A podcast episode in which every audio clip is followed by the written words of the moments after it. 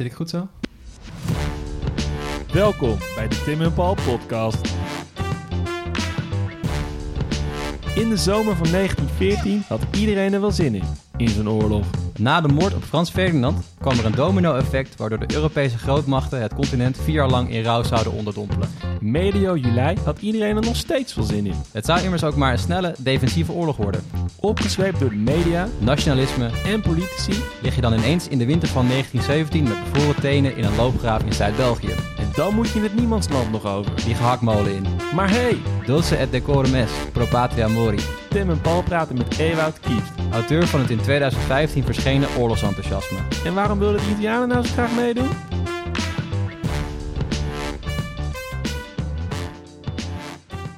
Waar zijn we vandaag weer terechtgekomen? Tim, we zitten, we zitten bij jou thuis en eh, we hebben heugelijk nieuws. Want dit is de eerste keer Sinds corona. sinds corona dat we daadwerkelijk met iemand anders aan tafel zitten. Ja. Dus wij hebben er heel veel zin in om weer een... eh, En niet de minste zit aan Zeker onze niet de tafel. minste, zeker niet. We gaan hem zo introduceren. Maar nog even heel fijn dat we hier eh, Ja. met z'n drieën mogen zitten. Op gepaste afstand natuurlijk. Ja. Maar dat we dit weer kunnen doen. En wie zit er hier aan tafel, Tim? Ewout zit bij ons aan tafel. Ewout Kieft. Welkom. Dankjewel. Schrijver van het boek, het Nederlandse boek over de Eerste Wereldoorlog, zou ik bijna willen zeggen.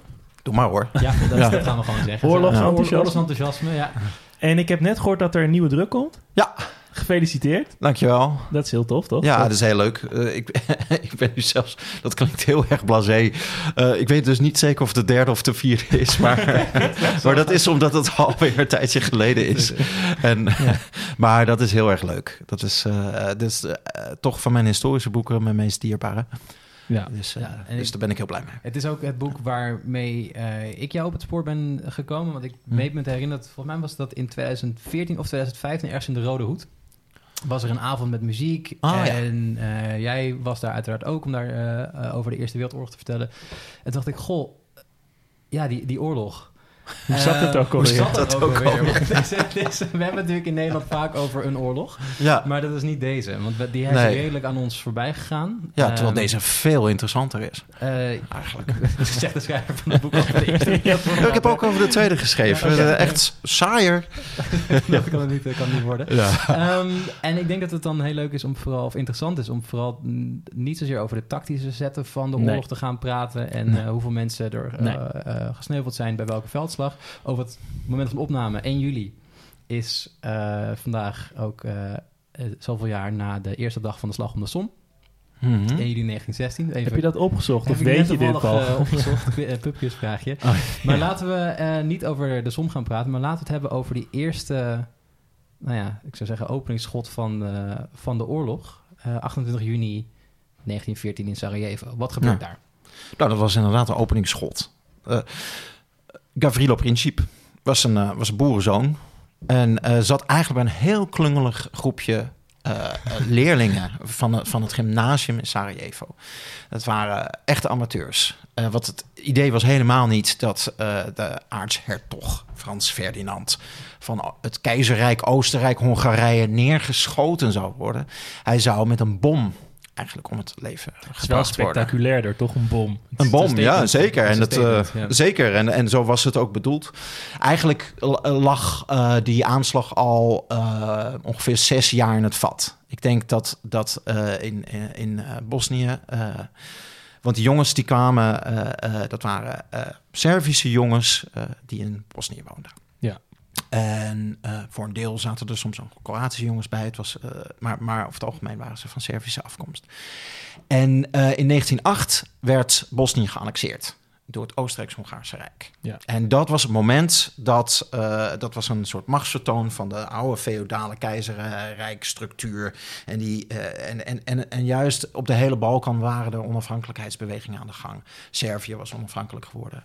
en dat was eigenlijk ontstaan doordat het Turkse Rijk ineen viel. Ja. Dus, dus je kreeg gewoon vrijheidsstrijders, eigenlijk boeren, eh, boerenlegertjes, die gewoon hun eigen eh, land eh, wilden veroveren, hun eigen taal, de nazistaten eigenlijk Ja. wilden bevechten. En dat ging toen ook samen met sociale emancipatie. Dus nationalisme was hetzelfde als een sociale klassenstrijd. ja. En in 1908 eh, besloot eh, het Oostenrijks-Hongaarse Rijk van... daar trekken wij ons allemaal niet zo aan. Eh, eh, eh, Dit de- wordt gewoon onderdeel van ons. dit wordt gewoon onderdeel van ons. We gaan dat gewoon onderdrukken. We gaan gewoon onze taal er neerzetten. En, en we gaan al die mensen, al die boertjes moeten gewoon de bek houden eigenlijk. Ja, En vanaf dat moment eh, eh, eh, broeide het. Ja, En- daar komt en- wat weerstand op dan. ja, en, Ja. En, en aanslagen werden er al, al regelmatig gepleegd. En die, er was één broeihaard en dat was het gymnasium van Sarajevo. En er waren scholierenprotesten. Die werden hard door de Oostenrijkse politie neergeslagen. Maar dat waren dus, dus echt gewoon kids van, de jongens. middelbare school die Ja. Zich heel, heel, heel woke waren, zoals je nu zegt. ja. Ja, maar echt beduidend gewelddadiger. Oké. Ja. En eh, ik ben nu even het jaartal kwijt, maar dat was dus ook voor de Ooster- Oostenrijkse gouverneur die dan Bosnië bestuurde. Dat, dat, dat wa- had ook een scholier, eh, eh, pro- eh, had hem proberen dood te schieten. Die reed dan voorbij een open auto, die rende er achteraan, eh, probeerde hem eh, dood te schieten. Het lukte niet. Eh, hij werd zelf doodgeschoten. En, eh, en op een geheime plek begraven, omdat ze bang waren dat zo'n jongen dan martelaar zou Oh, ja. worden. Eh, maar wat deden die jongens die eh, naar het eh, Sarajevo, het, gymnasium gingen? Sarajevaanse, ik heb geen flauw idee wat het bijvoeglijke naamwoord daarvan is. Dan moesten ze de brug over, over de rivier. En, en, en in het midden van de brug deden ze allemaal eventjes de pet af. Dat was code. Van, dat was het eerbetoon aan, aan, Aan die die, jongen. die, En die- jongen. Dus dat was toch de martelaar. Maar dit zat dus echt ingebakken in die school eigenlijk. Ja. Dat- Dat was, eh, dat was ook een beetje... Het was gewoon cool. Het was Ja. gewoon eh, iets wat je deed als je inderdaad eh woke was. Als je bewust was geworden Ja. van... wij zijn eigenlijk eh, ons eigen land. En eh, wat je ook krijgt natuurlijk... als je eh, boerenjongens ineens een opleiding gaat Ja, geven. want het is toch ook niet heel gebruikelijk dat boerenjongens zomaar naar het gymnasium gaan. Nee, dat was heel interessant eigenlijk. Dus, dus doordat, ze, doordat ze eh, geannexeerd waren... kwam dat onderwijs ook wel op gang. En, eh, eh, En, konden ze naar school. En, en, ja. en, en er waren, maar ja, dat waren die nationalistische organisaties eigenlijk die beurzen uitdeelden aan boerenjongens. En het waren eigenlijk alleen jongens. Eh, volgens mij echt een- misschien een heel klein groepje eh, vrouwen. Maar, Oké. Eh, maar voorna- voornamelijk jongens. Dus vandaar dat ik ze jongens noem. Eh, eh, dat het, omdat het feitelijk zo was. Zeker in die terroristische groepen. Er zijn Ja. ook foto's van. En dan zitten ze ook allemaal, nou ja, de picobello's. Ze, hebben, ze zien eruit als gangsters. Snorretjes laten staan. Allemaal van die hoeden, pakken. En, Wapens, of dat ook niet? Nee, dat niet. Nee. En, en, en eerst is het dus bo- boeken, revolutie- revolutionaire boeken lezen, Ja. veel erover praten. En dan op een gegeven moment, als je dus gaat demonstreren met z'n allen. En, en er was een jongen echt het, eh, aan overleden. En dan kwamen die demonstraties werden natuurlijk nog feller. Eh, toen er echt geweld bij kwam kijken, toen besloot een deel van de jongens van... Oké, nou, nou gaan wij ook terug echt vechten. Ja. En die gingen naar Servië toe. En die kwamen daar in. in eh, die zochten dus van, nou, wij willen, wij gaan vechten in Bosnië, we willen aanslagen plegen. En dan kwam je bij één beweging terecht, dat was de Zwarte Hand. Ja, dat is het soort van de, de, de, radicalisering, de radicaliseringsgroep uh, avant la lettre, zo'n beetje. Toch? Ja, dat is, maar uh, eh, ook wel serieus, echt met Ja. banden met, de, eh, met de Servische regering. Dat werd echt oogluikend toegestaan. Oké. Ehm, en eh Gavrilo Princip is naar Servië gegaan, is weer teruggekomen, eh, heeft wapens daar eh, gekregen en, eh, en eh, is met een groepje van ongeveer tien jongens. eh, hoe, hoe eh, oud waren zij toen? Want je zegt steeds jongens. 16 tot 18. Oké, echt, oké. Echt jong. Echt, echt ja, kinderen. echt serie dus, ja. kinderen. Ja. kinderen. Echt tieners.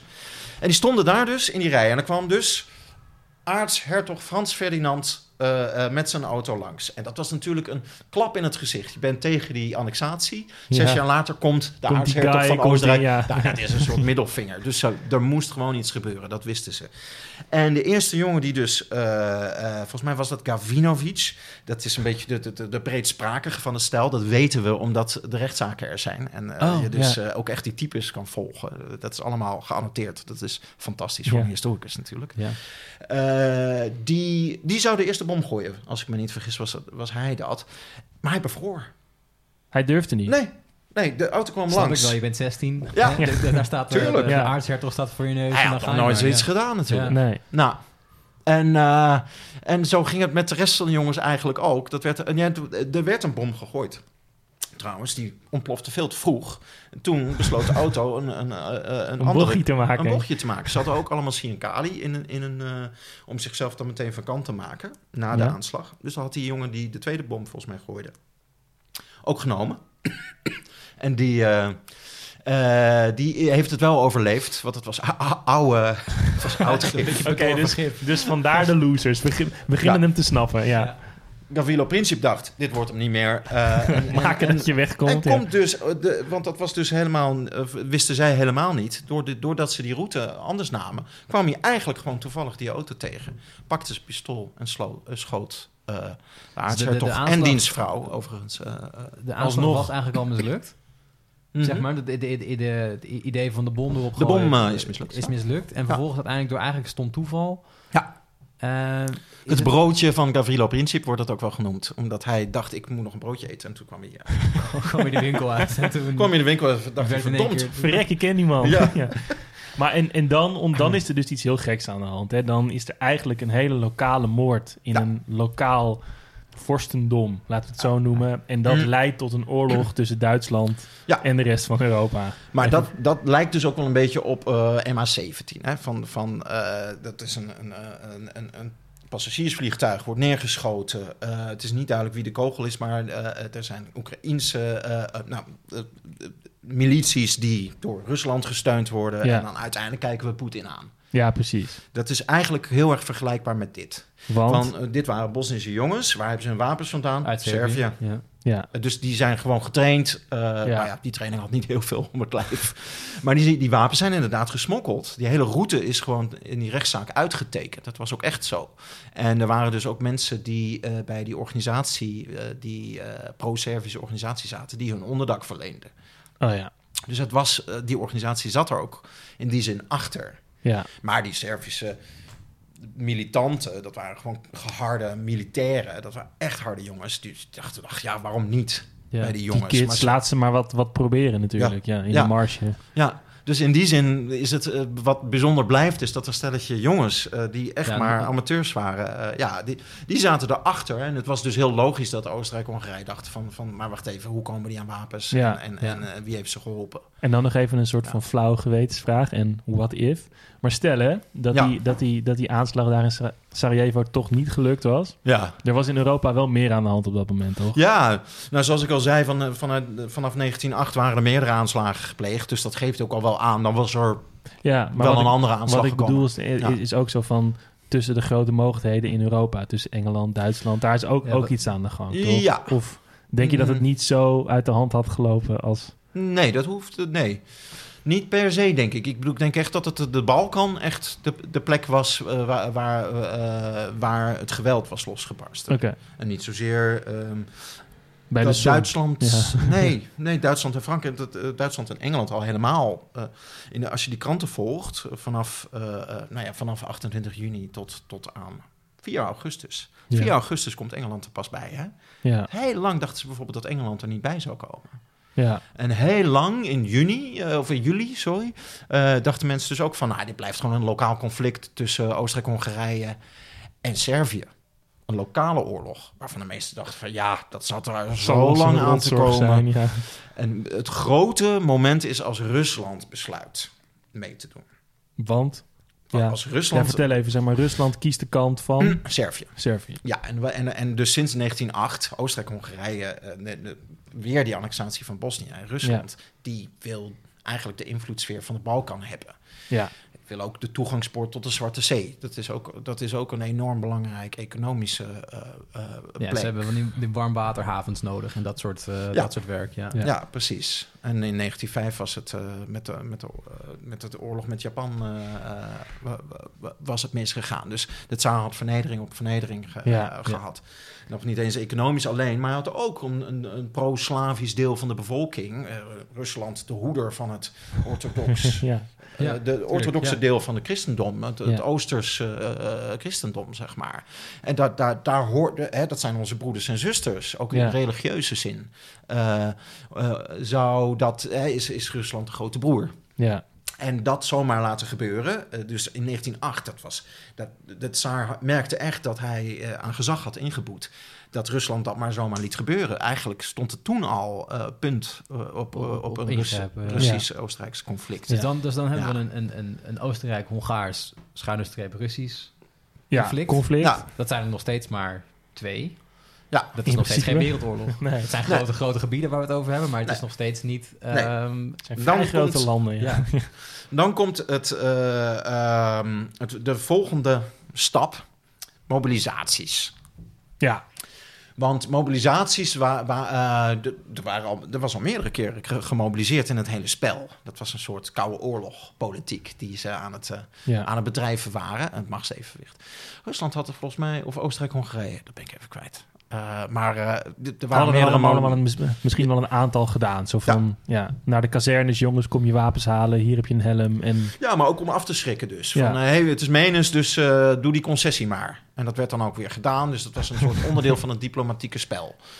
het mobiliseren in een land was Ja. onderdeel van... Oké, ja. Ja, was gewoon Net zoals Trumpiaanse politiek. politiek. Precies, net als Ja. ja, de politieke soort van... Of tenminste, oorlog een verlengstuk is van eh, de politiek. Is, ja. is mobilisatie een soort van tussenstukje daarin. Ja. Toch? Ja, oké. Ja. Ja, dus echt, eh, eh, echt laten, even de spierballen rollen. Ja. Laten zien van wij zijn eh, eventueel bereid deze stap te nemen. Dus weet je het zeker. Ja. Eh, dat, dat was eh, het spel. Dat was meerdere keren gebeurd. En deze keer besloot Rusland eh, te mobiliseren. En, eh, en eh, hield dat, probeerde dat geheim te houden. Maar als je dan die Duitse krant op naleest, komen er dus allemaal inlichtingen van... eh, hey, in, de- in deze kazernestad zien wij ineens allemaal treinen Het wordt aankomen. heel Het druk wordt, eh, wordt ineens heel druk. Eh, dus dat, dat wordt doorgeseind. ja. En vooral dat Rusland het niet zegt, eh, Ja. maakt het al, al, al helemaal. Dat Want dat is dan toch ook vaag, want je, want je zegt net dat het ook een drukmiddel is. Waarom zeg je het dan juist niet? Je zou verwachten... Ja. Dat was ook, um, de, de tsaar was heel wankelmoedig op dit moment. Ik moet eerlijk zeggen, ik heb dit ooit helemaal vers in mijn eh, geheugen ge- eh, gehad, maar dan moet ik het echt weer even op naast nee, mijn eigen ja. boek. Maar, Maakt niet uit. Nee, eh, maar, maar, maar klopt, het is een interessante kwestie. Maar, maar, de tsaar was in, in conflict. Die, die was namelijk natuurlijk ook de neef van, van de Duitse keizer. Dus dit was ook een deel van, van eh, eh, het, het, het Russische leger dat, dat dit wilde. Eh, en, en, en een deel van de, van de Russische adviseurs. ja. En, en de tsaar was, wa- wa- was een soort balansoefening aan het, aan het Die wist het gewoon niet zo goed. Nee, die zat echt te twijfelen. Ja. Tot op het laatste moment. Maar en is dan de reactie van Duitsland, van het keizerrijk Duitsland, dat zij ook mobiliseren? Ja, dat, dat is het beruchte von Schlieffen-plan. Ja. En dat hebben wij, heb ik tenminste eh, al op middelbare school gekregen. En daarmee werd altijd Duitsland als de agressor neergezet. Ja. Van Duitsland wilde dus heel snel Frankrijk verslaan om daarna Rusland te verslaan. Maar eigenlijk was Rusland in dit hele steekspel eh, de eerste eh, grote mogendheid die dacht. we, we, we, gaan, we gaan echt die mobilisaties laten zien. Wat gewoon, wat gewoon hartstikke gevaarlijk is. Dat moest een keer misgaan natuurlijk. en, en ja, dat von Schlieffen-plan was er natuurlijk wel in Duitsland. En, Dat lag al eh, jaren klaar. En dat was het idee ja. toch zo van... dan gaan we door Zuid-Nederland, België... hoppen we zo langs de Siegfriedlinie België in... en dan zijn we in Snel Frankrijk, innemen, eh, want eh, Rusland heeft een maand nodig om te mobiliseren. Als Rusland eenmaal gemobiliseerd is, zijn er zoveel soldaten. Dat redden we nooit. Maar als je heel snel bent, eh, eh, als je een twee-fronten-oorlog hebt, nou ja, dat was weer het bondgenootschap Frankrijk-Rusland. Ja, Eh, dus dan, dan zit Duitsland ingesloten natuurlijk. Dus dan heb je maar de helft van je leger aan beide kanten. En dat probleem moesten ze oplossen. En toen dachten ze zo van, oké, Rusland is groot, heeft heel veel mobilisatietijd nodig. Dat was het probleem. Daarom hielden ze het eh, eh, geheim. Eh, nou weet ik het weer. Om, juist, juist omdat dat dit de tactiek was natuurlijk. Van op het moment dat je mobilisatie afkondigt... weet, weet Duitsland van... We hebben oh, een maand. we hebben een maand. Ja. En als Ja. je alvast troepen die kant op hebt... ja. Dat was het hele idee. Dus dat was sneller. ja. Dus in Duitsland grote paniek. Er was sowieso een wapenwedloop, ook met Engeland al. dus dat, ja, dit was allemaal... eh, dit is hoe een koude oorlog verkeerd gaat eigenlijk. ja. Dat is wat, eh, wat eh, het uitbreken van de Eerste Wereldoorlog is. En iedereen heeft eigenlijk dezelfde redenatie van... wij willen geen oorlog, maar we moeten wel. Juist. Dus het hele idee van we doen dit om onszelf te verdedigen... of onze broeders, zusters op de Balkan te verdedigen. Maar hoe dan ook, dat, dat idee van, van ja, wij zijn hier niet de agressor, zij zijn de Ja, en want, want, want dat eh, is, was er, heel sterk. is er een land wat, wat naar zijn eigen idee dan ook zeg maar een offensieve oorlog gevoerd heeft? Of was het allemaal verdedigen? Nee, alle, alle landen hadden eh, naar hun eigen idee een eh, defensieve oorlog. Ja, Ja, het is ook wel idioot inderdaad. ja Toch? echt. Als je dus al die landen bij langs gaat, wat ik Ja. deed in, in het eerste deel van mijn boek, ga ik, hop ik van stad naar stad. Ja. En de, om die eerste eh, weken en dagen na, eh, na het schot van Gavrilo Principe te volgen. En je ziet eigenlijk gewoon in elke kant hetzelfde staan. Alleen wisselen Zij de... waren het. Ja, Of zij doen dit. Ja, dat Ja. moeten wij wel. Ja. En Zelfs ook in culturele zin. Eh, van zij zijn de materialistische. eh, eh, Echt? Die stereotyperingen die werden ja. gewoon een soort van ja, verschoven. Van ja, klopt. nu, nu zijn de Engelsen materialistisch en nu zijn de Duitsers het. Ja, Ja, wij, zijn, de, wij zijn de beschaving, het land van de beschaving, de geest van Duitsland. En, Ja. en Frankrijk en Engeland, dat zijn de harde materialisten, want dat zijn kapitalisten. En, en, die, eh, eh, en, en die maken eigenlijk beschaving kapot. En, en in Frankrijk dachten ze dat van, vonden ze dat natuurlijk van het industriële Duitsland. Ja. eh, waarin Kroep en, Ja. Kroeps en, en, en, de- en, en het harde Nietzscheaanse machtsspel. eh, ja, dus eigenlijk zijn die clichés eh, werden gewoon vrij... Eén op één Ja. overgenomen door... Ja, gewoon alleen de, de naam van het land eh, kon je gewoon eh, verwisselen. Dus dat, dat maakt het allemaal voor, hè, met de nodige afstand... eh, ja, denk je toch ook, wat is, eh, wat is is, hier eh, nou eigenlijk aan de hand? wat is de mensheid toch onerbarmelijk. Ja. En nog Ja. even, even, even dan een korte samenvatting. Eh, eh, in eh, juni, eind juni, wordt eh, Frans Ferdinand eh, neergeschoten. Dan vervolgens de mobilisatie. Dat loopt mis of dat gaat, loopt uit de klauwen. En dan hebben we de twee strijdende partijen tegenover elkaar staan. Dus als ik het goed nog weet van de middelbare school... is het eh, Duitsland, Oostenrijk, Hongarije en Italië. Italië komt er pas later, bij. ja. Ehm, en dan aan de andere kant, dat zijn dan de Engelsen, Fransen en de Russen. Ja. ja. En je zegt Italië komt er wat later bij. Ja, nou, eh, of Engeland mee zou doen was dus ook heel lang spannend. En, en in Duitsland vonden ze dat dus echt doodeng. Van, Nou, eh, ze dachten al van wauw, eh, Frankrijk, Rusland, maar oké, volgens Ja. lief een plan, misschien lukt het. Ja. Maar als Engeland erbij komt, dat was natuurlijk de grote zeemacht. Ja, Echt. ja. er was ook heel veel respect voor Engeland, voor de, voor de cultuur, voor de ontwikkeling. De industrialisatie was begonnen in Engeland. Echt ontzag voor Engeland. Dus de, de, de sfeer op 4 augustus, die avond toen dat dus doorkwam... en dat was echt een hysterische sfeer op straat... En iedereen zat dus op de pleinen te wachten tot er nieuwe edities, extra edities van de kranten zouden komen. Eh, en, en daar komen ook heel veel van die foto's vandaan dat mensen dus eh, opgewonden schreeuwend met kranten in de hand. Dat begon omdat mensen nieuws wilden. Ja. En als er dan een omlading komt, dan dat is ook gewoon een soort iets wat ontstaat. Reactie door- natuurlijk. Ja. ja, ja, dat is hoe, hoe de, de nieuwsvoorziening werkte. Dus eh, ja, het was natuurlijk ook nog eens warm. Iedereen staat op de pleinen. Eh, nieuwe editie, jongens. Iedereen rennen naar de, naar de Ja. kranten, jongens. Eh, auto's met kranten. En, nou ja, ja de, de, de, de kranten die deden goede zaken in, in die tijd. Ehm, maar dus, dus Engeland komt er extra bij. Zelfs dat, ik bedoel, dat is heel eigenlijk interessant om te zien, was dus niet, niet vanzelfsprekend. Ook Engeland heeft daar heel lang over getwijfeld. Het parlement eh, was daar, eh, nou, echt serieuze tegenstanders. Ja. Nou, die hebben daar eigenlijk ook niet zo heel veel... Ja, ze zitten misschien wel in verdragen en dat soort dingen... maar ze hebben natuurlijk heel weinig te zoeken in... Nee, Het is toch een beetje dat... dat eilandidee, toch? te zoeken hebben. Zeker, ja, Wij maar- zitten lekker op het eiland. eh, Ja, zoek het uit. We hebben een grote marine. Kom, kom hier maar naartoe als je ja, ja. precies. Er was eigenlijk alleen maar iets te verliezen. Ja. En het ging er dus inderdaad om van, gaan, gaan wij het verdrag met Frankrijk echt zo serieus nemen? Eh, is dit eigenlijk, is dit niet Frankrijks eigen keuze? Is dit eigenlijk wel agressie van Duitsland? Nou, er werd diplomatiek natuurlijk ook heel erg, Duitse diplomaten probeerden heel erg hun best ja, te doen om te laten Druk zien. zetten van Ja. doe het nou niet. Ja, maar doe de- het niet. wij zijn helemaal niet de agressor hoor. Dat, dat, eh, dat wilden Ja. ze natuurlijk ook aan Engeland doorgeven. Want dan hoeft Engeland zich niet aan dat pak te houden. Ja. Dus zo ging dat heen en weer. Super spannend. En, En dan is ja, uiteindelijk gaan ze wel. Uiteindelijk gaan ze wel.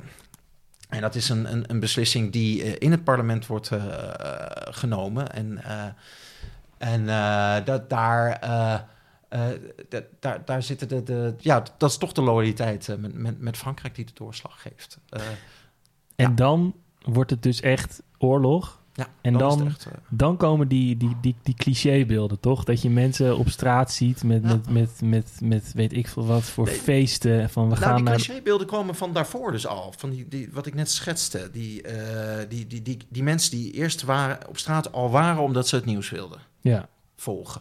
Dus die, die zijn al super opgewonden. Die, eh, die willen gewoon weten wat er gebeurt. En op een gegeven moment komt er natuurlijk ook een soort voetbalwedstrijd sfeer. En, en eh, in, in Oostenrijk en Hongarije er zijn er ook mensen dus die gaan de ambassades langs. En er zijn mensen die inderdaad dan gewoon kwaad zijn op, eh, op, op Servië, op Rusland. Dus dan gaan ze staan schel- schelden, dan gaan ze liederen zingen, nationalistische liederen. En ze gaan kanten kopen. ja. Dat is een soort mix. En dat, dat ontstaat eigenlijk... de, de, de eerste van dat soort tafereelen ontstond al in, in, in juli eh, eigenlijk al... eh, de, de, de, na de moord op, eh, op, op Meteen dan Princip. al. Ja, dan zijn er al rellen. Dan zijn er al nationalistische betogingen. En het begint op 2 augustus ook in de, in de westerse hoofdsteden Oké. omdat dan inderdaad duidelijk wordt van wat- worden de beslissingen. En in Berlijn, dat is echt een cruciaal moment. En in Berlijn is, zi- zijn er inderdaad, nou, is de angst voor Rusland heel groot. Ja. Dus de Kozakken komen en gaan onze vrouwen verkrachten. En ik wil reken maar dat die geen genade zullen hebben. Eh, en mijn, eh, mijn Duitse hoofdpersoon in mijn boek is een, is een vredesactivist, een anarchist. Ja. Eh, ik, ik zal het even opzoeken. Dat is wel een mooi, mooi, citaat van, van hem. Want hij is dus echt valikant tegen oorlog. En hij is, hij is een cabaretartiest. Hij zit in die, eh, in die, in, die kroegjes van München... zit hij eh, eh, eigenlijk de hele tijd machthebbers belachelijk te maken. Eh, eh, ehm, dus hij vindt zichzelf ook echt de laatste die, die, die gevoelig zou zijn voor zoiets als nationalisme of, of, of oorlogsenthousiasme. En eens even kijken. Ja, dan schrijft hij eh, in zijn dagboek. En toch ik, de anarchist, de antimilitarist, de vijand van de nationale leuze, de antipatriot, een hatende criticus van de wapenfurie. Ik betrap me erop dat ik op de een of andere manier gegrepen word door de algemene uitzinnigheid, ontvlamd door razende hartstocht, ook al is het niet door enige vijand, maar toch vervuld door de gloeiend hete wens dat wij het tegenover hen zullen redden. Maar ja, wie zijn zij en wie zijn wij?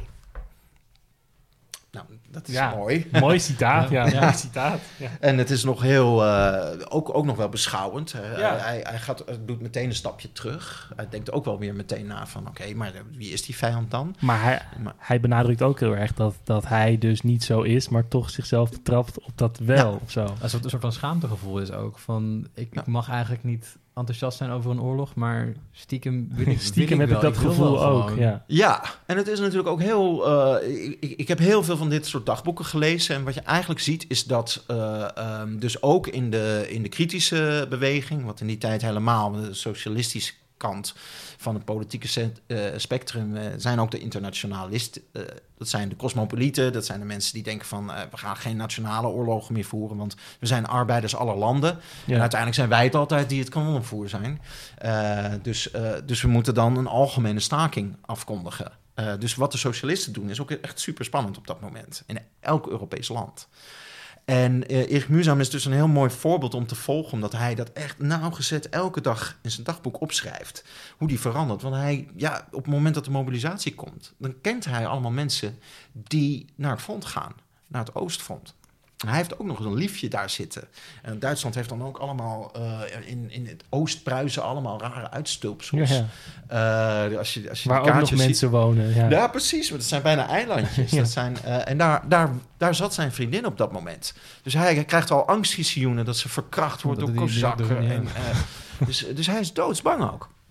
En hij ziet dus al zijn vrienden, ook zijn, zijn anti-militaristische vrienden, anarchisten, ineens in uniform voorbij lopen van, eh, ja, eh, sorry Erik, maar ja, Het gaat beginnen. dit gaat beginnen en ik wil gewoon toch voor mijn familie vechten. En Ik gaat hij toch- zelf ook? Nee. En, Hij gaat zelf niet. Hij, eh, maar hij gaat nog wel iets verder mee dan dit. Ja. Dus als hij in zijn dagboek dus die angstvisioenen opschrijft. Maar hij wordt al heel snel kritisch. Maar eerst eerst eh, houdt hij het voor zichzelf. Gaat hij wel mee in die, in die gekte, bedoel je? En nee, nee, hij wordt al heel snel kritisch weer naar die gekte toe. Oh, zo, ja. Ja, maar hij durft, eh, hij had ook een blaadje en hij dacht, eh, nou, dit- op dit moment word ik echt gelyncht als ik dit in het openbaar zeg. Nee, dat moet was waarschijnlijk ook voorzichtig zijn. Ja. Dan. Ja. Ja. Maar dat geeft inderdaad wel aan hoe, vindt ze, hoe, hoe sterk dat gevoel is. Toch? Ja. Dat, dat hij zich, zich niet daar openlijk in dat blaadje voor, Ja. voor, kan, voor kan uitspreken. Is, dat schetst inderdaad wel dat hij een van de weinigen was die zo dacht op dat Ja. moment.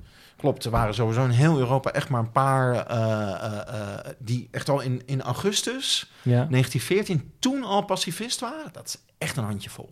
Dat zijn er heel erg weinig. En we, we kennen wel zeg maar, de pacifisten van later, maar dat is pas in 16, 17, 18, zeg maar. Dus dat zijn de, de, de, de bekende schrijvers die over de ellende Ja. van de eer- eh, Eerste Wereldoorlog schreef, zeg maar. Die Engelse dichters bijvoorbeeld ook. Ja, Ja. ja. klopt. Maar die waren er toen nog niet. Nee. Die, die, eh, eigenlijk als je ook die Engelse dichters nagaat, dan zie je ook... Robert Brooke, hoe heet hij ook alweer? Eh, ja, ik zit zo slecht in mijn naam. Maar, maar die, die, zitten, die zitten ook nog echt wel even... ja, misschien moet je het niet met... niet iedereen was oorlogsenthousiast, maar in ieder geval patriotisch. ja. Want Iedereen wilde gewoon toch de jongens naar het front steunen. En dat is natuurlijk ook het moment. Als de jongens naar het front gaan, dan ben je echt een landverrader. Dan verraad je hun ook als je eh, dan al zegt van... is Nou ja, die vechten voor niks. Ja. Ja, dat is- dat is eh, belachelijk. Toch sowieso de truc Ja. met algemene mobilisatie of met dienstplicht. Dat, er gewoon, ja, dat is je buurjongen die gaat. Of dat Ja. is je neefje of je zoon of je, je, je broer die, eh, die gaat. Ja, dan natuurlijk ga je hopen dat hij terugkomt. En dat hij, eh, en ga je alles aan doen om hem te steunen. Ja, in, in Engeland had je dus ook vrouwen die eh, de, de principiële dienstweigeraars, die gaven ze witte eh, veren, geloof ik. Of, of een vernederend symbool van jij bent een lafaard. Wauw. Daar werd, Gewoon, daar was- gewoon openlijk. Zo van, ja, ja, dat was echt sociale druk. Eh, grote sociale druk om, eh, ja, om, om er voor, voor je neef die al naar het front is afgereisd. Ja, Ja. eh, zo, dat is heel menselijk. Ik kan me Ja. dat ook echt heel levendig voorstellen. dat je het, Maar het ook niet over je hart kan En misschien verkrijgen. is het ook goed om daar even nog even bij stil te staan. Dat wij weten wat er natuurlijk gebeurd is. Mhm. Wij kennen de verhalen Ja. van Verdun en Som en Ieper. Ja. Maar in augustus 1914 The beauty of hindsight, hè? Ja, dat denk je, ja, tuurlijk ga je, Ja. je bent gek als je daar naartoe gaat. Maar ja, weet je, ik weet nog van op een middelbare school had ik een, een geschiedenisboek en daar stond het, de hoofdstuk was daar. Duitse soldaten zeiden, ja, we zijn voor het ontbijt zijn we weer terug uit Parijs. Ja, Weet je, Ja. we- we- tot zo. dat is ook een van die clichébeelden. Een Friese vreugdetje kriek. Eh, eh, nou, Dat klinkt toch in het Duits ook beter. Ja, ja, dat Friese vreugdelijk al, allitereert gewoon als een dolle. Ja. Eh, nou, was, was, waren er best veel mensen die eh, best sombere voorspellingen toen al hadden, hoor. Ook de verantwoordelijke politici. Ja? Ja. Maar nog even over die, die, die, die, die massa's en dat Ja. idee van we zijn er zo. zo dat, dat hoort er natuurlijk ook bij op het moment dat je, je de, het leger eh, dat, dat laat doen. Je bent verantwoordelijk ervoor. Dan moet je natuurlijk ook een optimistisch verhaal vertellen. En op het moment om je, eh, om je beslissingen ook eh, kracht bij te zetten, helpt het voor de verantwoordelijke politici ook heel erg om te zeggen: het volk wil dit. Kijk eens, zie je die foto's? Iedereen staat op straat Iedereen, iedereen met eh, kranten ja. te zwaaien. Dat- we moeten ja, wel. Dat gebeurde in Engeland dus heel erg sterk. Eh, dat, eh, eh, volgens mij was dat Lloyd George, eh, die, die, die, die dus ook de mythe van het oorlogsenthousiasme eh, eh, heel erg eh, aangreep om zijn eigen beslissing te, eh, zijn eigen verantwoordelijkheid te, te, eh, ja, zo, te verantwoorden. Ja. Eh, van van eh, ja, ik deed alleen maar de wil van het volk. Hm. En, ja, en dan heb je ook nog eens een keer Hitler eh, die eh, er stond. Hè? Dat is een beroemde foto. eh, ja. van, van Hitler op het Odeonplatz in Mu- München staat hij eh, mee te juichen. En na de oorlog is dat ook het moment waar het nationaal socialisme zich eh, op passeert. Want die, die zeiden toen ook van kijk eens, de arbeiders die met hun internationale marxistische leuzen, toen het echt gevaarlijk werd, werden ze weer nationalistisch. ja. Dus daar is het hart van het volk. Eigenlijk is het volk nationalistisch. Dus dat was ook in die hele verkiezingsstrijd tegen de socialisten eh, een, een enorm belangrijk middel, symbolisch ja. moment. En het was natuurlijk ook het failliet van de socialistische beweging. Het failliet van de internationale. eh, ja, dat zij niet bij machten waren om Ja. inderdaad internationaal op te trekken en te zeggen: we gaan dit dus niet weer doen. Ja, we gaan algemene staat. Dat was de Ja. afspraak van, van de internationale, de tweede internationale, als ik me niet vergis. Hadden dus alle socialistische bewegingen van alle verschillende landen in Europa met elkaar afgesproken als het weer oorlog wordt. Alle arbeiders in alle landen staken. Nou, Kunnen ze geen, oorlog, op. nee. Nee, Nee. precies. Dan is er geen bommenfabriek, is er geen... eh, nee, de, eh, de, ook in het leger niet. En stuk voor stuk zie je die afspraak vallen. In Frankrijk is dat ook een heel dramatisch moment, want dan hebben ze het echt nog geprobeerd. Jean Jaurès eh, is de socialistische leider daar, wordt Ja. ook neergeschoten. Ook heel dramatisch door een nationalist. En zijn ze echt bang van nu breekt de hel, dan gaat de socialistische beweging in Frankrijk los. En Ja. kunnen het wel vergeten. Maar die kiezen er dan toch op een dramatisch moment, de begrafenis van Jean Jaurès, ervoor om toch te vechten voor het vaderland. En dat is zo'n emotioneel moment. Ja. En, dat, dat, dat, eh, en dus eh, iedereen, de, alle nationalisten, eh, die, die denken van... oh, het land wordt weer één, alle verdeeldheid. De klassenstrijd is voorbij. Frankrijk, eh, een union sacrée wordt het ook genoemd. De, en, en zo werd dat ook echt gevoeld. En dat zijn hele sterke verhalen natuurlijk. Eh, dat, dat willen mensen ook wel echt graag geloven. Dat je eh, solidair bent met elkaar. ja. Eh, en, en, Het is ook, ook, kan ik me voorstellen, ergens ook heel lekker, toch? Als, als Mm. het oorlog wordt, dat je lekker in een soort van warm bad van het land en we gaan dit samen doen. Het is toch ook als je, zeker. is misschien een hele, ja, misschien geen gekke, maar misschien een slechte vergelijking. Met, met voetbal heb je dat ook, toch? Het is ook gewoon lekker om dan, Dat is Michels, toch? Voetbal is... eh, Voetbal is oorlog. Ja. Nou, of de coronacrisis. ja, maar dat je, dat je Eh, inderdaad met z'n allen als Nederland, dat je een Ja. soort van gevoel hebt van, we gaan Ja. dit samen oplossen. Eh, Maar le- letterlijk, Rutger Bregman zei eh, bij de Wereld Door... volgens mij toen de coronacrisis net was uitgebroken... van er zijn geen linkse Nederlanders meer... er zijn geen rechtse Nederlanders meer. Er zijn alleen nog maar Nederlanders. dat zei hij echt letterlijk. En dat is een letterlijk citaat van keizer Willem II... toen de Eerste. Bregman dat? Hij is een historicus, dus ja, ik denk het wel. Maar- Maar ik hoop dat hij het op dat moment even vergeten was. Dat hij niet nog eens even... Wat zei Willem er ook alweer over? Dat ga ik vanavond Mijn zeggen. grote Maar, inspirator, keizer Willem II. maar eh, in tijden van crisis is, is dit soort retoriek is, eh, natuurlijk heel geruststellend. En daar krijgen heel veel mensen toch een soort warmte van. Ja, en die- Maar, ja, maar nog even, even terug naar dat idee wat eh, Paul ook zei. Zo van, we zijn voor het ontbijt weer klaar met de oorlog. Ja, Dit is ook in de Tweede Wereldoorlog, denkt men dat soms wel. Maar in die Eerste Wereldoorlog, je, de, de, de, de, de pleinen liepen vol. Mensen gingen met hun plunjezak, met hun ransel, gingen op weg naar het front. ja. Dachten die mensen echt, dit is met twee dagen voorbij? Nee. Oké. Nee, dat was... Duidelijk. eh, eh, Ja. ja, kijk, want dit, is- hè, we hadden het net over die beelden. En die, en die beelden, dat is wel echt zo, hè. Eh, maar, maar het is wel weer wat subtieler. Eh, hè, het zal ook eens niet... Van de geschiedenis is altijd een Enerzijds, Ja. anderzijds. Ja.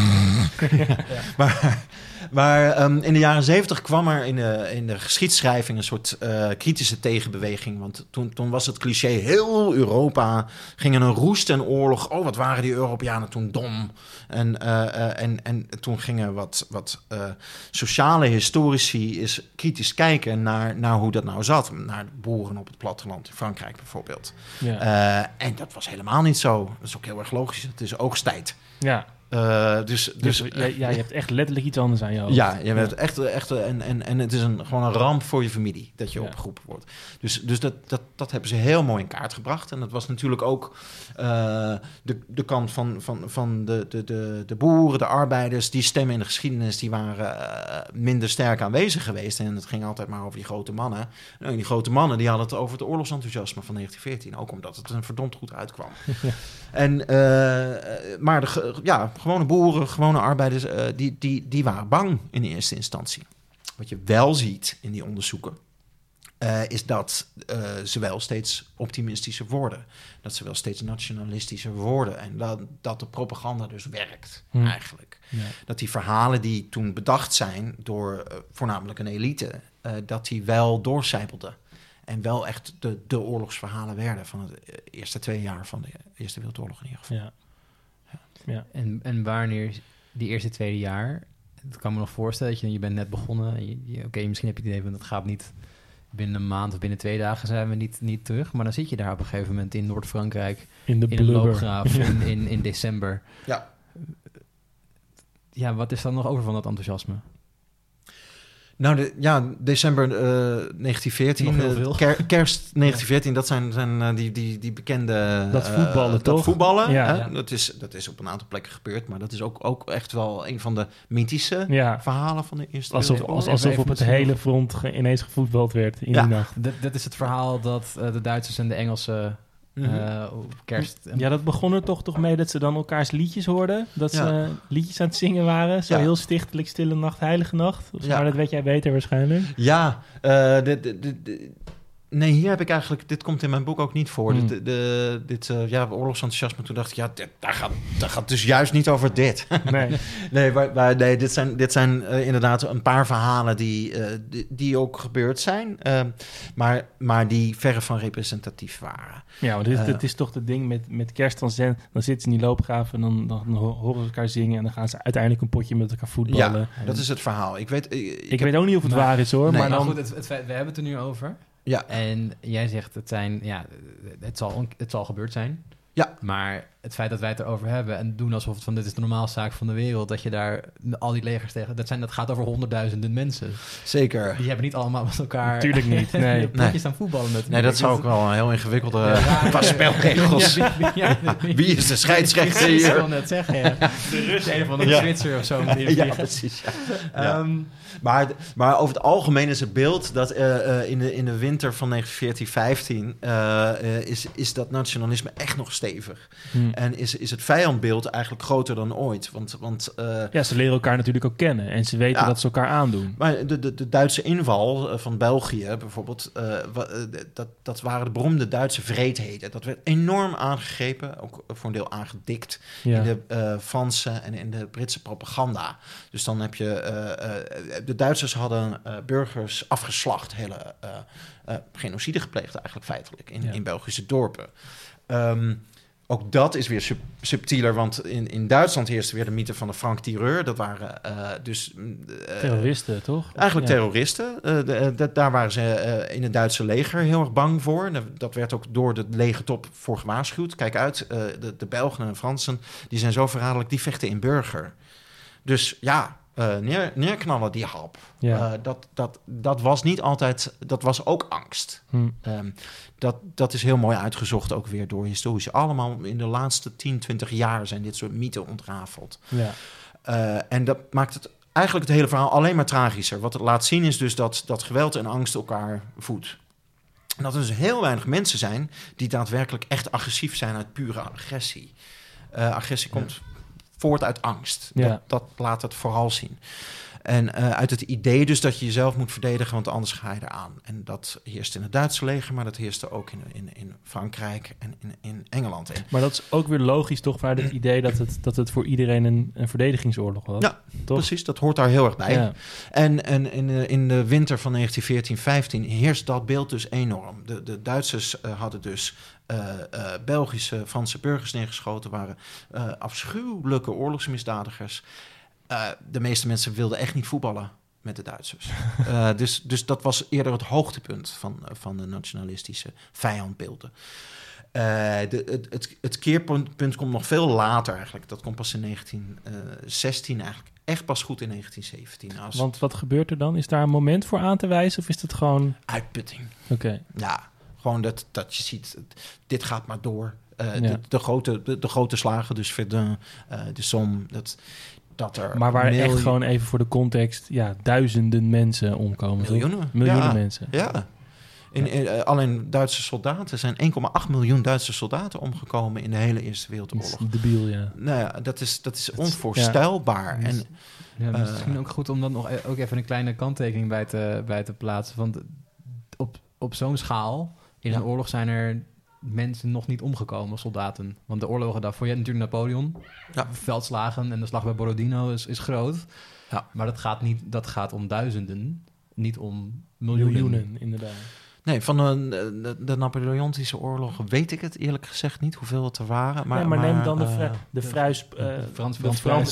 De Pruis... De, de Frans-Pruisische oorlog. Ja. Ja. Maar daar was inderdaad ook... Dat was ook Ja. redelijk geconcentreerd, toch? Daar waren Ja. legers die met elkaar vochten. Oké, Ja. Parijs is misschien belegd op een bepaald moment. ja, Maar... Natuurlijk, er komen mensen om het leven. Ja, Ja, absoluut. En er zijn natuurlijk en slachtoffers. ze moesten maar, dieren uit de dierentuinen opeten in Parijs. Ja, maar ja. ja. maar de schaal is, is compleet anders. Dat is echt krankzinnig. En, en, en dat is natuurlijk sowieso een hele nieuwe wereld met die grote ste miljoenen steden zijn ook net eh, ontstaan.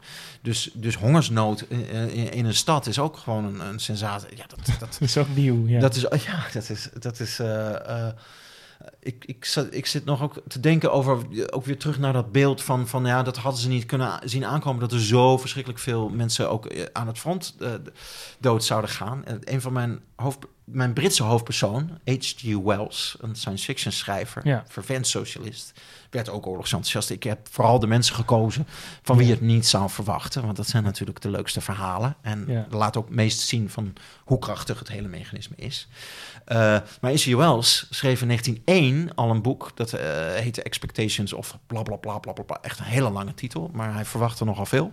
en ook veel over de oorlogsvoering. En hij eh, was er dus van overtuigd van het beschavingsmodel dat de oorlog wint, dat, dat, dat, zal eh, de, ja, de hele westerse wereld, de hele wereld bepalen.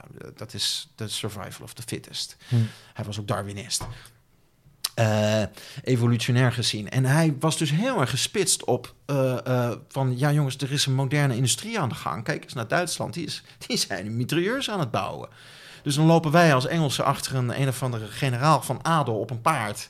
eh, gewoon heel erg keurig eh, met vaandels te zwaaien. En, maar zij gaven zich in een loopgraven. En wij de- lopen erop af. Brrr, er zullen honderdduizend jongens neer worden gemaaid. Dat schreef hij in 1901 allemaal letterlijk op. Zo levendig dat hij gewoon echt scènes ervan maakte. Dat was de science fiction schrijver in hem. Die, die, die zei dus van, kijk ze daar eens lopen de jongens. Ze lopen Ja. daar de fuik in. Er zijn twee mitrailleurnesten. Ze maaien ze allemaal neer. En dat... Ja, science fiction, maar wel waarheid geworden Ja. uiteindelijk. hij keek gewoon heel goed naar wat er was aan, Ja. aan wapenarsenaal. Hij keek naar de achterlijke politieke, eh, eh, feodale ja. toestand. En hij zei van, nou, ons politieke systeem is niet, eh, eh, loopt ja. niet gelijk met, met wat er industrieel, eh, in industriële oorlogsvoering kan. Dus dan moet je dus technische professionals in het Het is leger natuurlijk wel zetten. zo'n gekke Ja. breukvlak. Een paradigmaverschuiving Ja. ongeveer. Dat je, dat je een soort van het, het idee van... we lopen achter op de techniek die wij hebben. Ja. Dat is gevaarlijker dan de mensen die dat bedienen misschien. Ja, eh, dus Wells dacht zo van, van waarom gaan al die, eh, eh, waarom gaan er zoveel mensen dood? Waarom gaan al die? Omdat we dus oorlog voeren vanuit oude ideeën. Het, als je dat weet, ga je de jongens er niet op afsturen. Nee. Eh, dus hij wond zich daar al verschrikkelijk over op. Nou ja, de Eerste Wereldoorlog is ook de laatste oorlog waar nog miljoenen paarden zijn gebruikt. Paarden. Warhorse, mooie Ja. film. Ja, Ja, precies. Veel te lang. Maar Veel te lang. Veel te Ja. lang. Nee, maar, nee, maar het is wel een, een ding inderdaad. Zeg Ja. maar daar gewoon charges, toch? Ja. Van de cavalerie. Van, laten we met een getrokken sabels... gewoon te kijken van nou, Ja. oké. Nou, Laat maar aankomen. komen. Ja, Maar het is toch ook, Ja. ook wat je ook vaak hoort, is dat die, dat die Eerste Wereldoorlog dan ehm, dus een totale oorlog was. En dat hij dus ook een van de eerste echt industriële oorlogen was met allemaal nieuwe ontwikkelingen. Ja. Heeft die ommekeer daar ook mee te maken? Dat mensen, dat mensen doorkregen dat dat, dat dat oude, ridderlijke, heroïsche er misschien af was. Ja, ja zeker.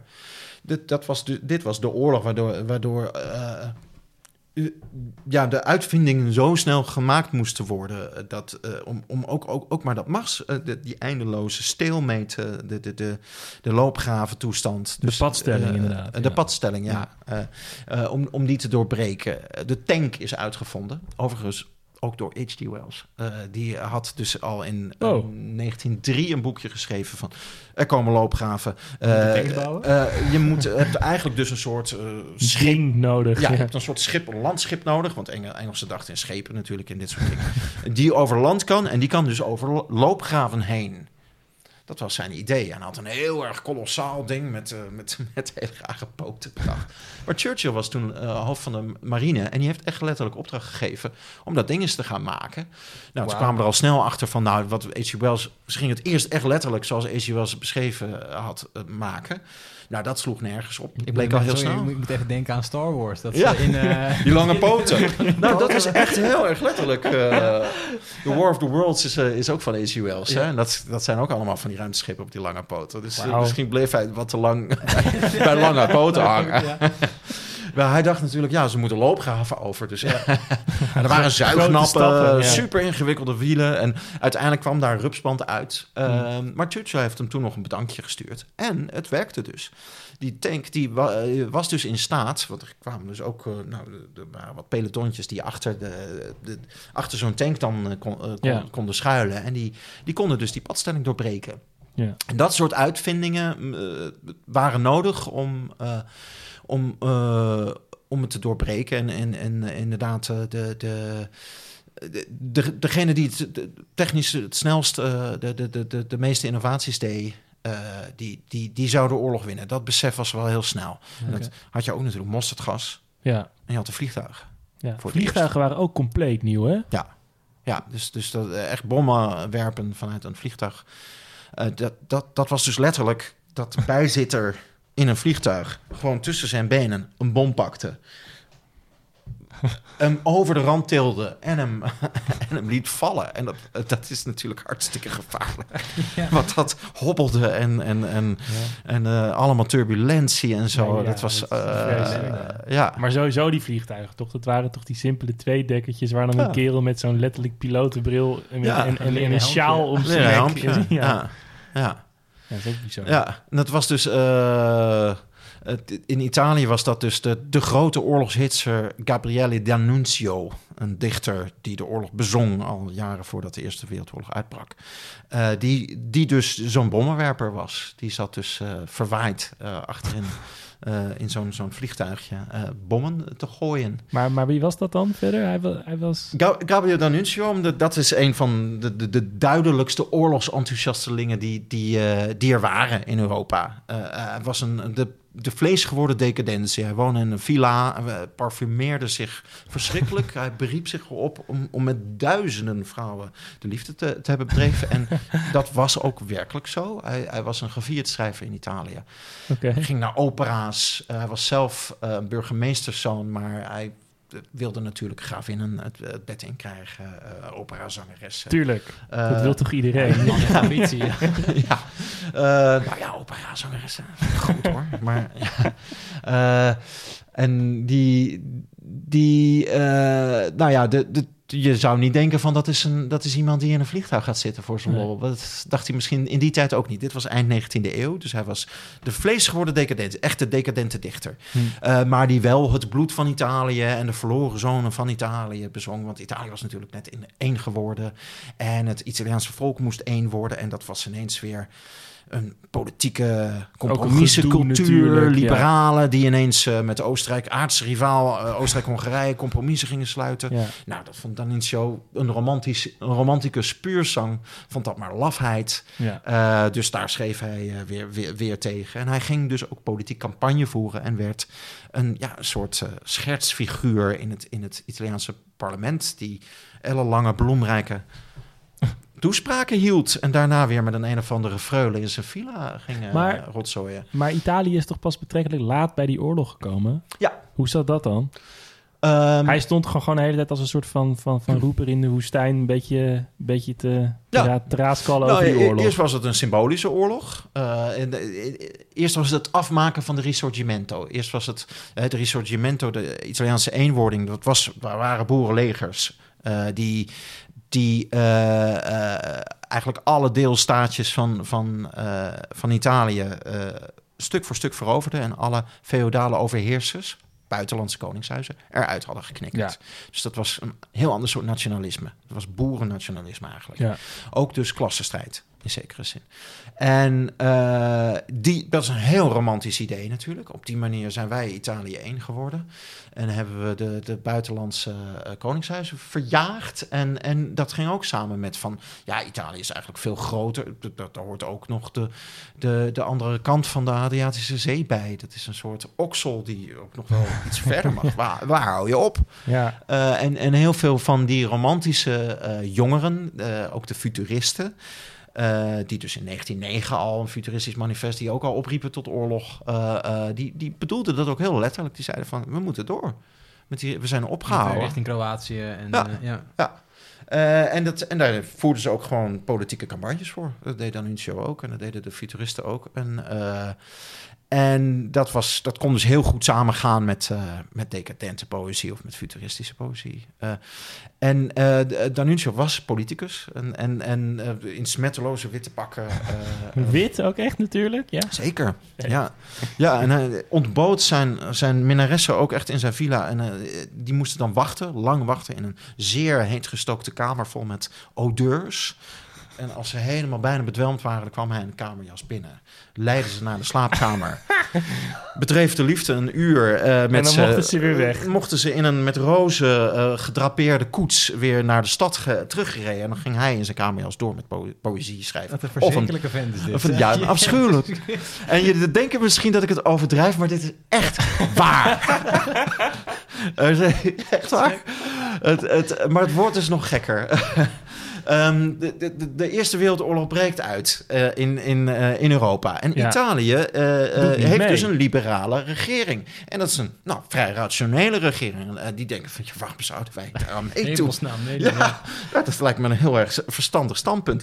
En, maar dan Nuncio, romanticus puur zang, die zeggen Latijnse ras. En wij, wij, nou ja, eerst dacht hij samen met Frankrijk. hij woonde toen nog in Frankrijk, maar werd door schuldeisers de trein opgezet. Noteerde nog in zijn boekje van eh, uitgezwaaid door, eh, eh, door een flink aantal vrouwen met wie ik allemaal het bed heb gedeeld. Hij, hij ging terug naar Italië en de, de, de, de grote krant Corriere de- della Sera, ik, die, die, die had daar lucht van gekregen. D'Annunzio komt terug naar Italië en de Eerste Wereldoorlog is uitgebroken. Wij, wij, dat, die waren ook voor ingrijpen. En de terugkeer van D'Annunzio werd het moment voor die mensen. Dus D'Annunzio gaat ons de oorlog inredden, gaat ons redden. En dan gaat onze Risorgimento eindelijk ook door. Want dan zullen wij Oostenrijk-Hongarije te betaald zetten. Ze dachten dus nog niet dat ze bondgenoot zouden Nee, worden maar dat, nee, op dat moment. Dat staat helemaal... Maar ja, dat, dit is romantiek, hè. Dat heeft, heeft niet altijd iets te maken niet met... rationeel, nee. Maar, maar echt letterlijk, met elke tussenstop die D'Annunzio's trein maakte... stonden er dus echt duizenden mensen eh, bij de perrons te juichen. En D'Annunzio was natuurlijk niet ongevoelig voor eh, hem adorerende massa's. En die ging, die ging dus... eh, Ging er een beetje in geloven. die ging er ja, vanaf moment één. Hij geloofde er al in. En hij zou eh, eh, eh, dus op elk station, daar zijn ook heel veel foto's van, staat hij dus met ge- geheven arm toespraken te houden voor, voor, voor, voor massa's mensen. En hij zakt af naar Rome en, en, en, en het wordt groter en groter. En dus wat, wat, wat hij vertelt is, die pacifistische regering van ons, lafbekken, liberale socialisten, we, we- pak ze aan, Ehm, zoek ze op, eh vergiftig ze. Eh, eh, hij riep op tot geweld. En de, de, de bibberende premier van, van Italië op dat moment is onder die druk afgetreden. En toen was het los in Italië. En D'Annunzio gaat dan een toespraak houden op het moment dat Garibaldi naar Sicilië uitvoer. om de Risorgimento te beginnen ooit. Daar wordt een standbeeld onthuld. Er zijn Franse, of er zijn de, de, de eh, kleinzonen van het Garibaldi-regime... die in Frankrijk hadden meegevochten, teruggekeerd in uniform. En, en hij houdt daar een eh, uur, anderhalf uur durende toespraak... waarin hij het visioen van de oorlog voorschot. Dat wordt in alle kanten, eh, pagina, voorpagina's, letterlijk afgedrukt. En dit is dus de campagne die hij voerde voor de oorlog. En, en het lukte. Dit is het moment dus dat, dat, dat het nationalisme echt het politieke voortouw krijgt. En, en wanneer was het in Italië? Hoe ver was Dit de is- oorlog toen gevorderd? Dit is in 1915. Oké. Het voorjaar van 1915. Drie kwart jaar bezig ongeveer nu. Ja. En je zei net iets over, ja, dan is het logisch dat je natuurlijk die Oostenrijk-Hongarije eh, een hak wil zetten. Want je, Ja. wil, je wil de Balkan, een gedeelte van de Balkan wil je bij Italië houden. Ja. Maar toch worden ze dan bondgenoten. Mhm. Che Waar- passa. waarom gaan Ja, want daar zitten de dus een paar stapjes tussen. Ja, inderdaad. er het zitten is- inderdaad een paar stapjes tussen. Weet je dat ik dit dus... Ik, ik zei het net al, want ik heb net een science fiction roman geschreven. Ik zit er niet meer zo in. Ik weet het niet meer hoe dat zat. Oké. Maar dat, dat kunnen we echt zo... Het staat op elke Wikipedia eh, Ja, eh, oké. pagina. hè? Ja, Ja, ja, ja. Maar het is, Oké, oké, even, even een nieuwe vraag dan, Paul. Dan Eh, halen we het er gewoon uit. De, de- nou, Mussolini is in dit verband wel eh, ehm, eh, is, is eh, ook heel interessant. Want dat, dat, dat wordt een, D'Annunzio en Mussolini vormen een, een koppel. En dat wat ik net vertelde over de, de, de, het failliet van de socialisten. Mhm. dat, dat, heeft heel, dat kun je dus heel mooi zien in, in, in Italië. Mussolini was vakbondsleider. Een Italiaanse vakbondsleider die dus in de zomer van 1914 ziet hoe in elk land in Europa dus de socialistische beweging haar internationale idealen eh, vaarwel zegt. Dat ziet hij gewoon gebeuren. En, en hij schrijft dus op, eh, ook en, en zegt in een toespraak... dus de internationale is dood. Ja, het is Wat, vo- eh, volledig gedesillusioneerd dan. Ja, ja. maar we, we zijn nog wel socialisten, maar we zijn nationaal socialisten. Zo noemt hij zichzelf dus al in najaar van 1914. En ook fascist. Eh, dus hij treedt, eh, hij wil eerst eigenlijk die socialistische partij met hem meekrijgen, maar hij wordt uitgezet. Eh, dit is dus een richting een strijd in de socialistische partij in Italië. Zo van, ja, waarom zouden wij nog internationaal zijn? Doe niet zo naïef, man. Ja, Eh, en, dat is en- niks meer. Ja. Nee, dat, dat staat er helemaal nergens meer op. Nee. Alle socialistische partijen in elk land zijn nationalistisch geworden. Uh, eh, dus dit, dit is eigenlijk realpolitiek van Mussolini. Ja, je kan het je bijna voorstellen. Ja. En, en, en dit is dus het moment dat, dat Mussolini zijn eigen krant begint, zijn eigen politieke partij begint. En uiteindelijk ook een alliantie met Danuccios eh, sluit. Wauw. Eh, Danuncio. Ik Ja, had echt nog nooit nooit van deze man. Nee. Nee. nou ja, aan het eind van, van de Eerste Wereldoorlog begint hij dus een secte, eh, of eh, begint hij een, een anarchistische commune in, in een van die, eh, van die Kroatische Fiume, in een van de Kro- Kro- Kro- Kroatische havensteden, waarin hij vrije liefde en eh, militant nationalisme predikt en natuurlijk weer op balkons lange redenvoering houdt. Eh, ja. Wat een leven. Ja, dat- Ja. En uiteindelijk is hij in eh, tussenstandbeelden en, en eh, in een villa eh, eenzaam en bitter oud geworden. Oh. En een oorlogsheld trouwens dus, omdat hij dus Een bom heeft eh, bommen heeft geworpen en aanvoerder was van de luchtbrigade van eh, het Italiaanse leger. Wauw. Ja, Wat een Ik weet even niet Ja. wat ik nu nog... nou eh, ja, dat kun je allemaal in oorlogsenthousiasme nalezen trouwens. waarvan de nieuwe druk bijna uit is. Zeker, Eh, zeker. no- nog, nog, nog even, ik weet niet hoe ik, hoe ik qua tijd zit, maar er zijn denk ik nog... Ja, we hebben al, al wel echt een uur gepraat. eh, ik moet op de ja. tijd gaan letten, Ja. man. Oh, ja. Ehm, nou, wil ik, wat, we hadden het net even over, tenminste de dichter van Italië dan. Eh, Ja. In Engeland zijn er ook een aantal dichters bekend geworden. Mhm. eh, vanwege, tenminste, hun werk is bekend geworden vanuit eh, wat ze hebben, hebben meegemaakt. Dat is, ik heb het idee dat er in, in, in, in Engeland of in Groot-Brittannië nog heel sterk wordt gekeken naar die Eerste Wereldoorlog. En dat het echt een ehm, haast groter moment is voor hun dan de Tweede Wereldoorlog misschien wel. ja, ik denk het ook. En zeker op, op, op culturele, cultureel vlak eigenlijk, wat zij daar eh, geproduceerd hebben. Ehm, want dat zijn gedichten niet zoals de Nuncio die op het, op het balkon staat, ehm, geparfumeerd eh, zijn vrouwen staat te bezingen. Maar dit zijn jongens die uit een dorp komen ergens in, in Manchester eh, in de buurt. Ja. En die, die de hel op aarde meemaken. Hoewel die war poets ook best elitair waren. Ook Ja. eh, Oxford en Cambridge. ja, best, best gegoede jongens. Ja. Eh, maar maar de, de war poets hebben heel erg het beeld van de Eerste Wereldoorlog bepaald. Maar dat, zijn, dat is wat later. Ja. Ja. Dat, dat die gedichten komen. Dus dat is de desillusie van, eh, van de oorlog zelf. Eh, en, en inderdaad de gruwelen van het front die dat, die dat losmaken. En dat zie je ook in Frankrijk met Benda. eh, de, de- Maar ook in Duitsland, toch? Met. Remarque. Ja, maar dat is pas 29, hè? Ja, oké. Dat is echt laat. Ja. Eh, dus, dus dat, eh, en 1929 is echt een kanteljaar als het om, om de literaire verbeelding van de Eerste Wereldoorlog gaat. Oké. Eh, dus, dus die desillusie, echt het harde onderuithalen van, van de romantiek eigenlijk Ja. van de oorlog, dat is later dan, dan, dan eh, vaak gedacht wordt. Eh, maar maar de- van de war poets in Engeland is het zeker zo dat het al tijdens de Eerste Wereldoorlog was. En die kwamen er ook tegen in verzet. Eh, en, en dat is een belangrijk kantelpunt. En eh, in hun geval, eh, volgens mij is het algemene beeld, kun je zeggen, 1916, 17. Dan, dan, dan, kwam, dan komt die desillusie echt. Zijn er gewoon genoeg gewonde soldaten teruggekeerd. En ook zijn grote veldslagen waarschijnlijk inderdaad. Die, die ook in de kranten beschreven worden, toch? Ja. En, en er zijn natuurlijk ook uitgehongerde steden. Ja. er is gewoon een, een, een algehele eh, moeheid. En, en eh, je kan niet twee jaar lang eh, in sprookjes blijven geloven. Eigenlijk komt het daarop neer. Aan de andere kant zijn die sprookjes natuurlijk ook belangrijk om rouw te verwerken. Bedoel, eh, het idee van, ja, uw zoon eh, of uw broer is eh, voor niets gestorven. In een zinloze Ja, oorlog. volledig in- zinloos in een, in een 600.000 modderbad. Ja. 28 in de gehaktmolen. Succes. Ja, dat, ja. eh, dat, dat is voor natuurlijk heel veel families helemaal geen fijne gedachte. Dus, dat, dus eigenlijk is het een, een, een- een splitsing. Je hebt de mensen die zeggen van zinloze oorlog, zo snel mogelijk ophouden. Je hebt mensen die bijna soms uit wanhoop eh, ehm, eh, willen blijven geloven in dat het een grote, belangrijke oorlog was. Waar dat offer ook eh, voor nodig was. En op dat sentiment speelden Hitler en Mussolini in.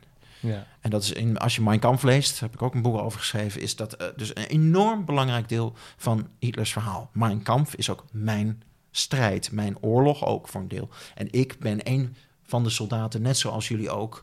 En ik geloof nog steeds dat dit eh, eh, eh, een grote. nou, dat de offers niet voor niets zijn gebracht. Ze zijn alleen zinloos gemaakt door de mensen die het politiek hebben Ja, verpest. maar dat is Ja. toch, toch dat bekende ding van, van, van, van de dolkstoot. Ja. Wat is het? Legende, mythe? Ja. Dat zo van de echte Duitsers aan het front aan het vechten waren... en zeg maar de, Ja. de, de slangachtige politici achter hun rug... om dan maar even snel die vrede gesloten hadden. Ja, dus de, alsof eh, ook vredesdemonstranten dus ook nooit gevochten had. Eh, en, en, en dus inderdaad alsof eh, soldaten nooit gedesillusioneerd konden zijn. Nee. Maar dat, dat hoort heel erg bij dat beeld. Maar Hitler had ook veel veteranen in het begin in die beweging. Dus er waren ook wel echt veel veteranen die...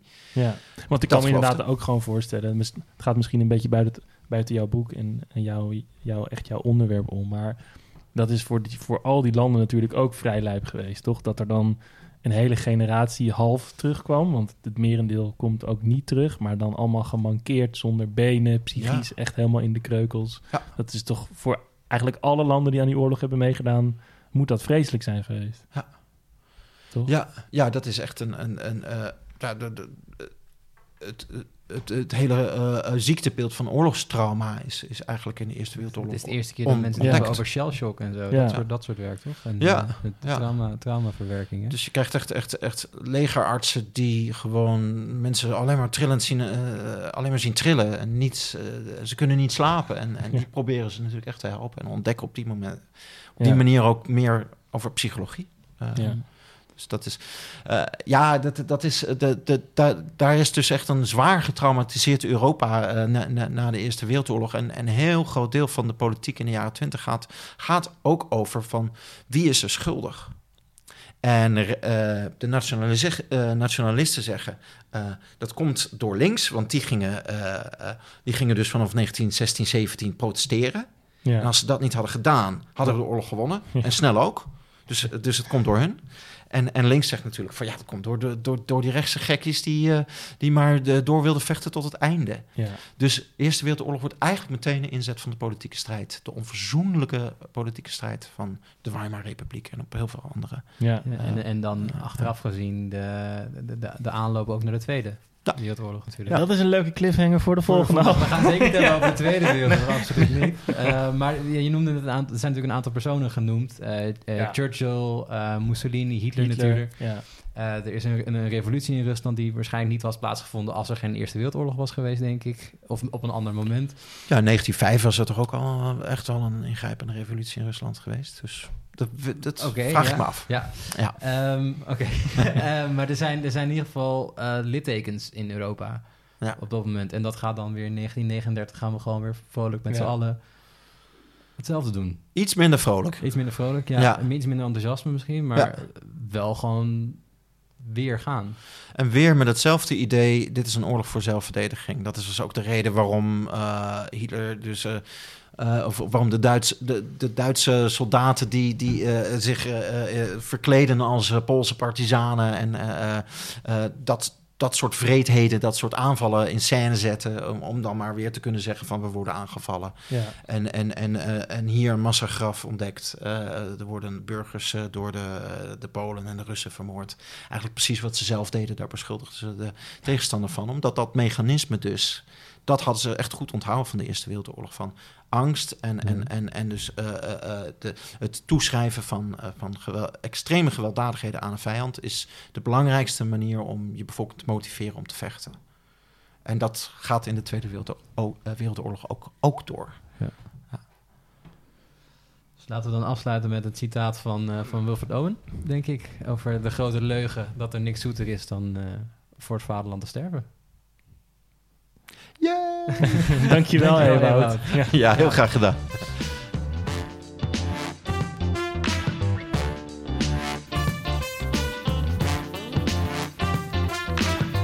Vond jij dit nou een interessant verhaal en wil je meer over geschiedenis weten? Hou dan onze Instagram in de gaten. We zouden het ook heel leuk vinden als je een recensie achterlaat. Vijf sterren, mag gewoon. En heb je nou een vet idee waar we het over kunnen hebben? Slide dan in onze DM's. Durf gewoon te vragen. Tot de volgende. Groetjes thuis.